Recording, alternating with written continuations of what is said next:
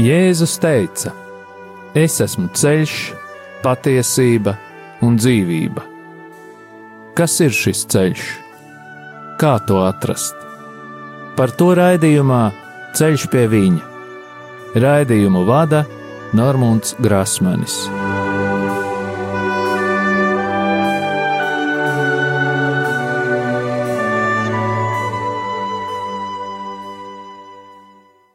Lai ir slavēts Jēzus Kristus. Atkal ir piekdiena, un rādio Marija ēterā izskan raidījums Ceļš pie viņa. Vēlos atgādināt, ka raidījuma e-pasta adrese ir ceļš pie viņa at gmail.com. Turpinu pateikties visiem klausītājiem, kuri atceras mani un pārējos radio Marija darbiniekus, brīvprātīgos un arī ziedotājus savās lūgšanās. Vēlos pateikties katram klausītājam, kurš ar savām lūkšanām un finansiālo ziedojumu atbalsta Radio Mariju skanējumu ēterā, lai Dievs jūs bagātīgi svētī un arī katru atbalstītāju un visus mūsu kopumā. Un tagad, kā jau ierasti, lūgsim aizsardzības lūgšanu par Radio Mariju darbiniekiem un brīvprātīgajiem, par katru klausītāju un mūsu ģimenes locekļiem. Jēzus Kristus vārdā mēs pārņemam autoritāti pār savu ģimeni un sasaistām visus ļaunos spēkus un varas gaisā, telpā, zemē, ūdenī, pazemē, dabā un ugunī. Dievs, tu esi kungs pāri visam visumam, un mēs atdodam tev slavu un godu par tavu radību Tavā vārdā, Kungs, Jēzu Kristu, mēs sasaistām visus demoniskos spēkus, kas ir nākuši pār mums un mūsu ģimenēm, un ieslēdzam mūs visus tavu dārgo asiņu aizsardzībā, kas mūsu dēļ tika izlietas pie krusta. Marija, mūsu māte, mēs lūdzam tavu aizsardzību un aizbildniecību pār mums un mūsu ģimenēm ar svēto Jēzus sirdi. Ietin mūsu savas mīlestības apmetnī un sakauj mūsu ienaidnieku. Svētais arcēnģeli Mihēlu un visi mūsu sargaņģeļi. Nāciet aizsargāt mūsu un mūsu ģimenes šajā cīņā pret visu ļauno, kas ir šajā pasaulē. Jēzus Kristus vārdā un caur viņa dārgajām asinīm mēs sasaistām visas ļaunuma varas un pavēlam tām atkāpties šajā brīdī no mums, mūsu mājām un mūsu zemes. Mēs pateicamies Tev, Kungs, Jēzu, jo Tu esi taisnīgs un līdzjūtīgs Dievs. Āmen!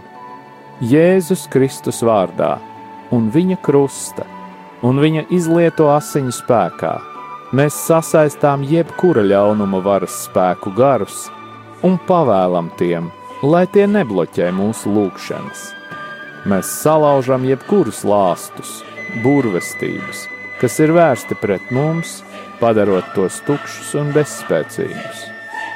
Mēs salaužam jebkuru uzdevumu, kas ir dots jebkādiem gariem, kas vērsti pret mums, un sūtām viņus pie Jēzus, lai viņš dara ar tiem, ko vien vēlas. Kungs, mēs lūdzam, lai tu svētī mūsu ienaidniekus, sūtot savu svēto garu pār tiem, lai vadītu viņus uz grēku nožēlu un atgriešanos. Mēs pārcērtam jebkādas saites un saziņu ļauno garu pasaulē, kas ietekmē mūsu un mūsu lūgšanu. Mēs lūdzam Jēzus izlieto asiņu aizsardzību pār mums un mūsu ģimenēm. Paldies, Tev, Kungs, par Tavu aizsardzību un sūti pār mums savus eņģeļus, jo īpaši svēto erceņģeli Mihēlu, lai viņš mums palīdz šajā cīņā. Mēs lūdzam tevi, vadi mūs mūsu lūgšanās un izlaies pār mums ar savu svēto garu, tā spēku un žēlsirdību. Āmen! Šodien sāksim raidījumu ciklu par brīvmūrniekiem, vai varbūt pazīstamāks termins būtu masona ordenis. Svētais Maksimiliāns Kolbe, kas bija franciskāņu mūks, bija viens no tiem, kas cīnījās pret masonu izplatīto indi. Kādā savā vēstulē Maksimiliāns apraksta, kā 14 gadu vecumā atrodoties mazāko brāļa Franciskāņu klosterī Ļubovā, viņš lūkšana laikā, noliecoties līdz pat zemē, saņēma aicinājumu kļūt par jaunās Marijas bezvainīgās ieņemšanas bruņinieku.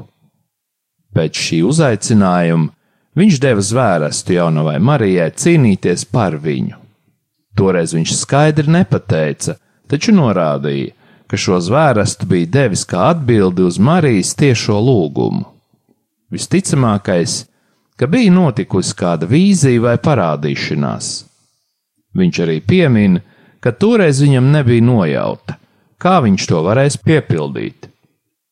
Tiešas norādes no augšas Maksimiliāns saņēma jau vēlāk, 1917. gadā Romā, kad brīvmūrnieki, brāzmaini ar drosmīgām ielu demonstrācijām svinēja viņu ordeņa 200 gadu jubileju, un pie reizes sludināja par drīz baznīcas iznīcināšanu. Tad jaunais mūks, kurš toreiz vēl bija students, gara iedvesmots saprata, ka jaunā Marija viņu bija aicinājusi, un kam tieši. Par to viņš raksta 1939. gadā kādā no saviem rakstiem. Kāds cits mazāko brāļu Franciskāņu ordeņa brālis Bernards Geigers, kas arī bija piederīgs pie jaunās Marijas bezvainīgās ieņemšanas bruņiniekiem, apraksta darbības, kuras masoni veica pirms Pirmā pasaules kara Romā. Viņi tikās kristīgās dzīves centrā un ar katru dienu palika ar vien agresīvāki, neskatoties uz to, ka Romas pāvests ļoti bieži tos atmaskoja un nosodīja.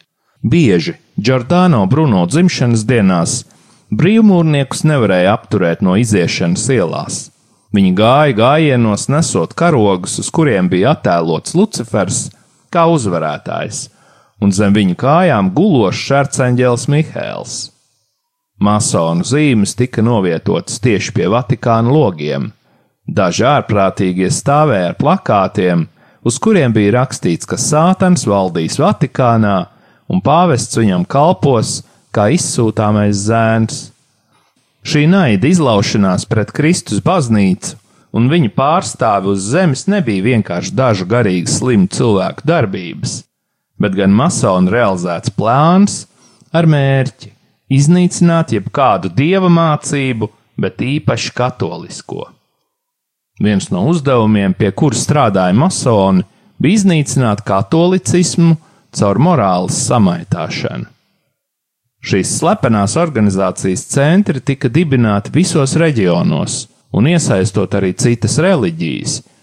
Šie centri darbojās maskējoties, vairāk vai mazāk apslēpti, taču ar vienotu mērķi. Viņu plāns bija ar dažādu viņu vadītu biedru palīdzību veicināt morāles sabrukumu un atteikšanos no dieva. Brīvmūrniecība galvenokārt balstās uz sekojošiem principiem. Katolisko baznīcu nevar uzvarēt ar loģiskiem argumentiem, bet gan vienīgi iznīcinot morālās vērtības. Tāpēc viņi pārpludina cilvēku dvēseles ar literatūru un mākslu, kas vislabāk ir piemērota, lai iznīcinātu nevainības jēgu un propagandētu nešķīstu dzīvesveidu visās cilvēka dzīves sfērās. Šāda darbība sektes ir saistītas ar rakstura stiprības vājināšanos, netīra sirdsapziņa spiež ģimenēm izjukt, cilvēkus pārņem neveselīgs satraukums par visu. Kad šāds nebrīvs un iespaidots cilvēks nespēja atbrīvoties no šī nožēlojamā jūga, viņš sāk noraidīt baznīcu un pat nostājas pret to. Lai palīdzētu daudzām garīgi nelaimīgām dvēselēm atbrīvoties no vainas apziņas, lai stiprinātu nevainīgas sirdis, lai visi vieglāk varētu atvērties bezvainīgajai jaunavai, kuras sagādā mums daudz žēlstības, 1917. gadā Romā tika dibināta mazāko brāļu starptautiskā kustība ar nosaukumu Bezvainīgās ieņemšanas bruņinieki.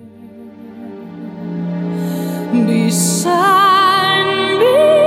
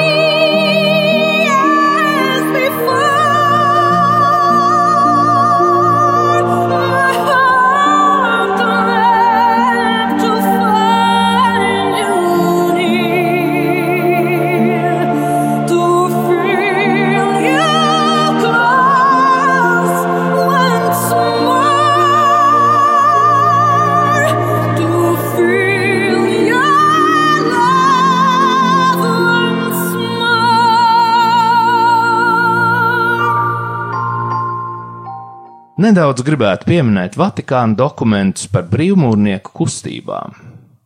Deklarācija par brīvmūrnieku asociācijām vai biedrībām no ticības mācības svētās kongregācijas 1983. gada 26. novembris.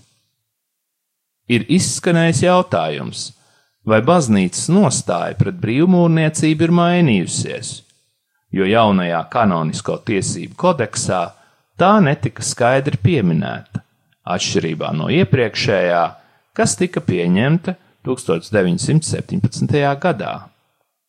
Un baznīcas atbilde sekoja. Baznīcas negatīvā nostāja pret brīvmūrnieku biedrībām vai masoniem ir palikusi nemainīga, jo to pamata principi nekad nav sakrituši ar baznīcas mācību. Sekojoša līdzdalība no baznīcas puses šajās biedrībās paliek nemainīgi aizliegta. Katoļi, kuri pieder brīvmūrnieku biedrībām, atrodas smaga grēka stāvoklī un nedrīkst saņemt svēto komuniju. Ja mēs skatāmies uz vietējo baznīcu kompetenci attiecībā uz masonu biedrībām, tad nedrīkst tās novērtēt pretēji iepriekš minētajam konstatējumam, Tas sakrīt ar Svētās kongregācijas 1981. gada 11. februāra skaidrojumu, ko var izlasīt apustuliskā krēsla aktā numur 73, 240. un 241. lapusē. Deklarācija Pontifex Maksimums tika kardināli apspriesta un parakstīta Svētās kongregācijas kārtējā sanāksmē ar Pāvila Jāņa Pāvila otrā piedalīšanos. Kādi tad ir brīvmūrniecības vai masoni uzskati, pamatprincipi un rīti? Brīvmūrniecības pamatā ir trīs dažādas pakāpes zilajā ložā. Tas ir māceklis, biedrs un meistars. Ložas grupējās 50 valstīs, tā saucamajās neatkarīgajās lielajās ložās. Meistars pēc izvēles var turpināt savu brīvmūrnieka karjeru, iesaistoties tā sauktajā augstākajā grādā, kas ir rakstiskais vai jorkas rīts, kas tiek dēvēts arī par amerikānisko rītu. Jūdi vai ebreji jorkas rītā piedalīties nedrīkst. Piedarība skotu ritam var sasniegt pat 32. grādu vai līmeni, bet pats augstākais grāds ir 33.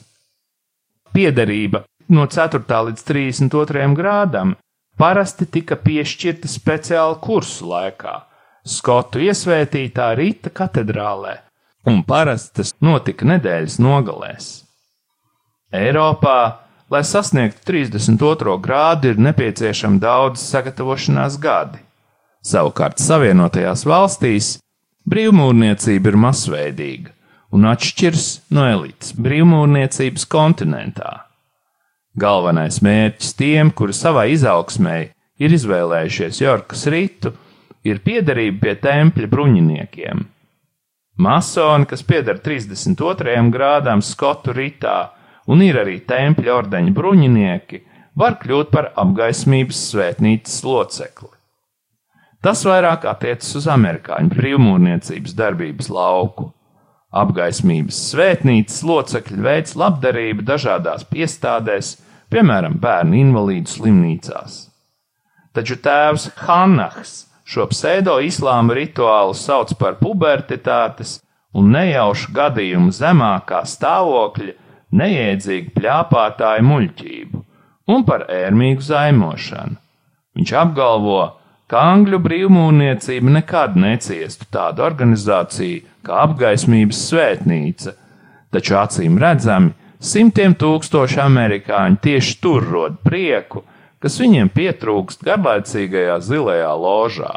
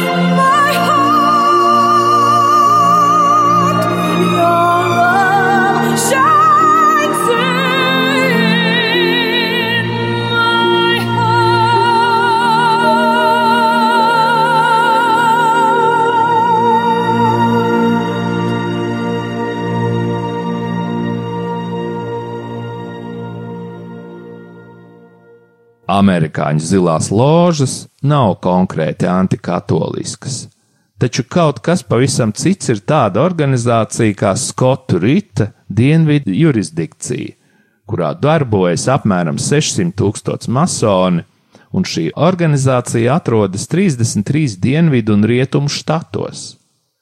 Šī grupējuma naidīgā nostāja pret kristīgo draugu skolām joprojām nav mainījusies, un žurnāla New Age lasītājiem ļoti labi pazīstama ir dienvidu jurisdikcijas negatīvā attieksme pret Romas katoļu baznīcu. 1978. gadā divi nekatoļu zinātnieki laikrakstā īsts reliģiskās izpētes apskats rakstīja par tēmu brālība un valsts reliģija - Skotu rīta brīvmūrniecība. Autori konstatēja sekojošo: Kas attiecas uz jautājumu par brīvmūrniecības kā valsts reliģijas uzturēšanu, tad jāsaka, ka brīvmūrnieki ir karēvīgi, antipartikulāristiski noskaņoti, viņi asi kritizē katoļu draugu skolas un pārmet tām pastāvošo izglītības sistēmu, un līdz ar to netieši apšauba arī pastāvošo valsts reliģiju. Sekta būtība neizslēdz pozitīvas vērtības bet tam tiek aizrādīts personiskās ticības un morāles jomā. Skotu rīta dienvidu jurisdikcijas vadītāji būtu laimīgi, ja visas draugu, bet sevišķi katoļu skolas tiktu slēgtas. Tehniski skatoties, to nevarētu uzreiz uzskatīt par sazvērestību pret baznīcu, taču paliek atklāts jautājums, vai katoļiem šajos dienvidu un rietumu štatos vajadzētu ļaut iesaistīties skolu ritā, vai viņiem būtu jāļauj tajā iesaistīties. Ja baznīcai amerikāņu brīvmūrniecības nosodījuma galvenais iemesls būtu sazvērestība pret baznīcu, tad varētu teikt, ka šīs organizācijas dabai vai mācībai priekš mums nav izšķirošas nozīmes. Tādā gadījumā katoļu baznīcai būtu jāļauj katoļiem iet pie spirituālistiem, teozofiem vai okultistiem, jo šīs kustības nemusina uz sazvērestību pret baznīcu tiešā veidā. Taču katoļu baznīcas un citu kristīgu apvienību galvenais nosodījuma iemesls ir pamatprincipu atšķirības, kuras pārstāv masonu loža. Lai izprastu galvenās pretenzijas pret masoniem, mums ir jāapskata šīs kustības vēsture. Atšķirībā no citiem amatniekiem viduslaikos, akmeņkaļiem, kas cēla lielās Eiropas katedrāles. Vajadzēja regulāri pārbraukt no vienas vietas uz otru, atbilstoši tur, kur bija darbs. lai aizsargātu savas profesionālās iemaņas un atpazītu citus mūrniekus, tika izveidota zīmju un paroļu sistēma. Šīs zīmes bija kā arotbiedrības apliecības, un darba telpas tika sauktas par ložām. Kad katedrāļu būvniecība vairs nebija tik aktīva, dažas ložas sāka uzņemt vai nu bez darba palikušos mūrniekus, vai arī goda mūrniekus. Ar laiku brīvo un at atzīto mūrnieku skaits pārsniedz strādājošo mūrnieku skaitu. Viņi izmantoja darba rīkus, simbolus, zīmes, rokturus, lai radītu to, ko šobrīd sauc par brīvmūrniecības biedrību vai masoniem. Šī jaunā brīvmūrnieku cunfte tiek definēta kā īpaša alegorijās ietērpta un caur simboliem apskatāma morāles sistēma. Agro viduslaiku masoni, tāpat kā gandrīz visi eiropieši, bija katoļi, taču deisma ietekmē brīvmūrniecība izdzēs visas kristīgās ticības pēdas masonu sirdīs. 1723. gada grāmatā Konstitūcijas grāmata jaunā nostāja pret ticību tika formulēta šādi: Katram brīvmūrniekam savas piedarības dēļ ir pienākums būt paklausīgam morāles likumam, un ja viņš dzīvo kā patiesas masons vai brīvmūrnieks, viņš nekad nebūs kā dumšs ateists vai antireliģisks brīvdomātājs. Lai gan agrāk no masoniem tika prasīts piederēt pie savas zemes vai tautas reliģijas, tad tagad tiek uzskatīts, ka labāk brīvmūrniekiem būt tādā reliģijā, kurai visi cilvēki piekrīt. Tas palīdzot saglabāt savu personisko pārliecību. Brīvmūrniecība kā universāla reliģija. Balstoties uz reliģiju, kurā visi cilvēki dzīvo vienprātībā, izriet, ka tā viennozīmīgi nav kristīga reliģija, un tā nenāk no atklāsmes. Māsoni tic, ka Dievs ir tēvs, ka visi cilvēki ir brāļi, un ka dvēsele ir nemirstīga. Tā ir ticība, ko pēc brīvmūrnieku domām var pieņemt ar prātu. Bībeles garīgums īpaši uzskata, kas paaugstina Kristu, baznīcas autoritāte un tās aicinājums mācīt un sludināt. Noslēpums kā žēlstības apslāpēšanas līdzeklis ir īpašie koncepcijas aspekti, ko brīvmūrnieki cenšas paturēt pie sevis, lai nemulsinātu citus ložas brāļus. Pirms gadsimta Leons 13. savā enciklikā Humanum Genum definēja naturālismu, ko viņš uzskatīja par galveno iebildumu masonu sistēmā. Naturālistu pamatmācība, kas jau caur savu nosaukumu sevi nodod, sastāv no tā, ka visās lietās izšķiroša nozīme ir cilvēciskajai dabai un cilvēciskajam saprātam. Masoni noliedz, ka no dieva var nākt kaut kāda mācība, viņi nerēķinās ne ar kādām reliģiozām dogmām un ignorē reliģiozas patiesības, ja tās nav saprotams ar cilvēcisko uztveri. Tāpat viņi noliedz jebkādu skolotāju, kuram būtu jātic viņa autoritātes dēļ. Atbilstoši naturālismam, ložās netiek lūgtas lūgšanas Jēzus Kristus vārdā. Dievs, pie kura kristieši vēršas kā pie sava tēva, tiek godāts kā deistisks, visuma arhitekts. Žurnālā Review of Religion Research jaunākajā rakstā autori formulē: Brīvmūrnieka uzskats par dievu būtību vislabāk var tikt saprasts pēc tā nosaukuma augstākais arhitekts. Brīvmūrnieku dievs pirmām kārtām ir deistisks dievs, kam masonu gudrības pakāpēs tiek piedāvāta augstākā gudrības pakāpe. Amerikā visiem vīriešiem un sievietēm, kas nav sasnieguši 21 gada vecumu, kā arī citas ādas krāsas, ir aizliegts iesaistīties brīvmūrnieku ložās. Ložai nedrīkst pievienoties arī ateisti, precīzāk, dumji ateisti un nereliģiozie brīvdomātāji.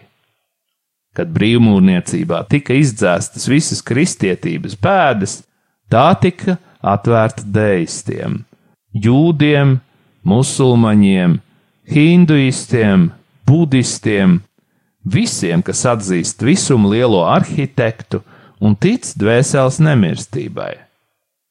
Viņu uzskats ir, ka reliģijos naturālisms ir pat labāks nekā vispār dzīvošana bez ticības. Praktizējošiem kristiešiem tā ir atkāpšanās no Bībeles. Masoni piekrīt Alberta Paika rakstītajam. Katra masonu loža, reliģijos templis un masonu mācība ir reliģiska mācība. Paiks daudzus gadus kalpoja kā augstākais lielinspektors Skotu Rita dienvidu jurisdikcijā un tiek uzskatīts par amerikāņu brīvmūrniecības nozīmīgāko filozofu. Viņu sarakstīto grāmatu Morāla un dogma tiek tradicionāli pasniegta tiem, kas sasniedz Skotu Rita 32. grādu. Masoni nesot tikai kā reliģija, bet gan kā vienīgā universālā reliģija. Kristietība tiek uzskatīta par vienu no daudzajām sektām, kuru individuālie uzskati vienmēr ir šķēluši cilvēci. Mēs atkal varam atsaukties uz brāli Pīku. Masoni māca vecās, primitīvās ticības tēzes, un tās ir arī saglabājusi. Šīs tēzes ir visu reliģiju pamatā. Visas esošās reliģijas balstās uz patiesību, bet šī patiesība ir pārklāta ar maldiem.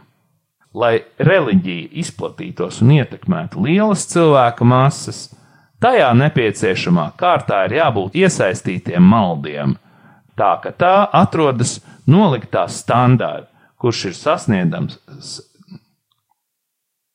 jo tā atrodas zem noliktā standarta, kurš ir sasniedzams cilvēkiem ar lielām cilvēciskām spējām.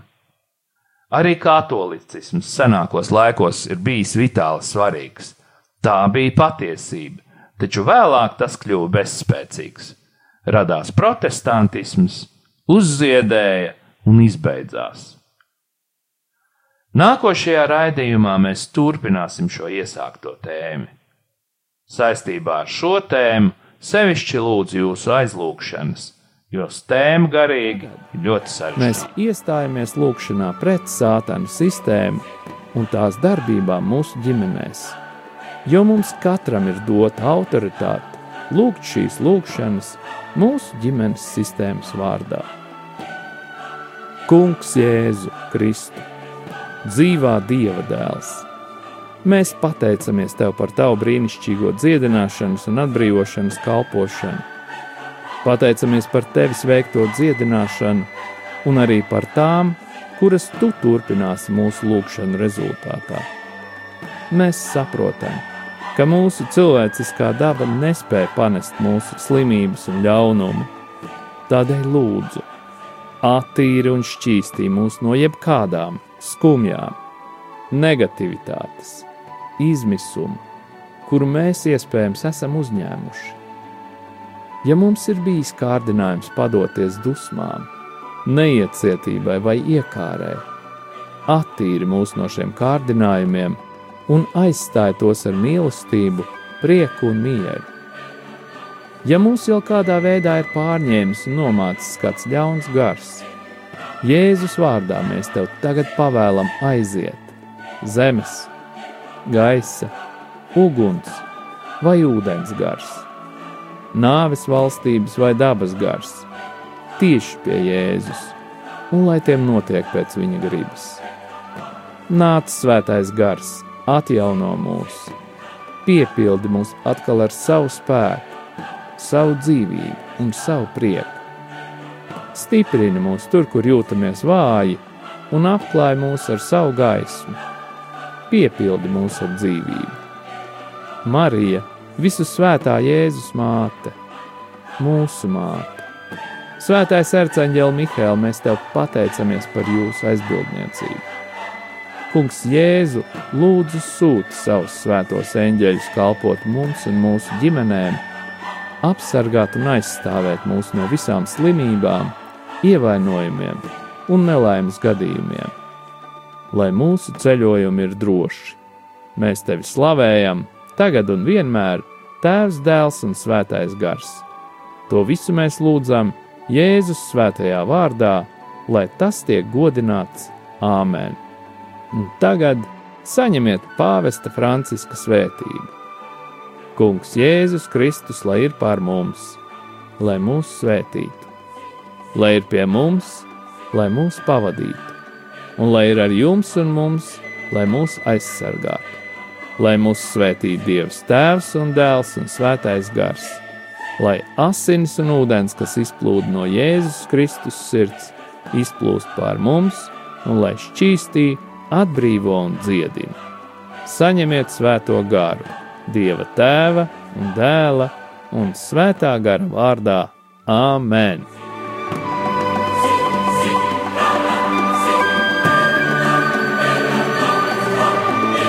Jūs klausījāties raidījumu Ceļš pie viņa uz tikšanos piekdienu!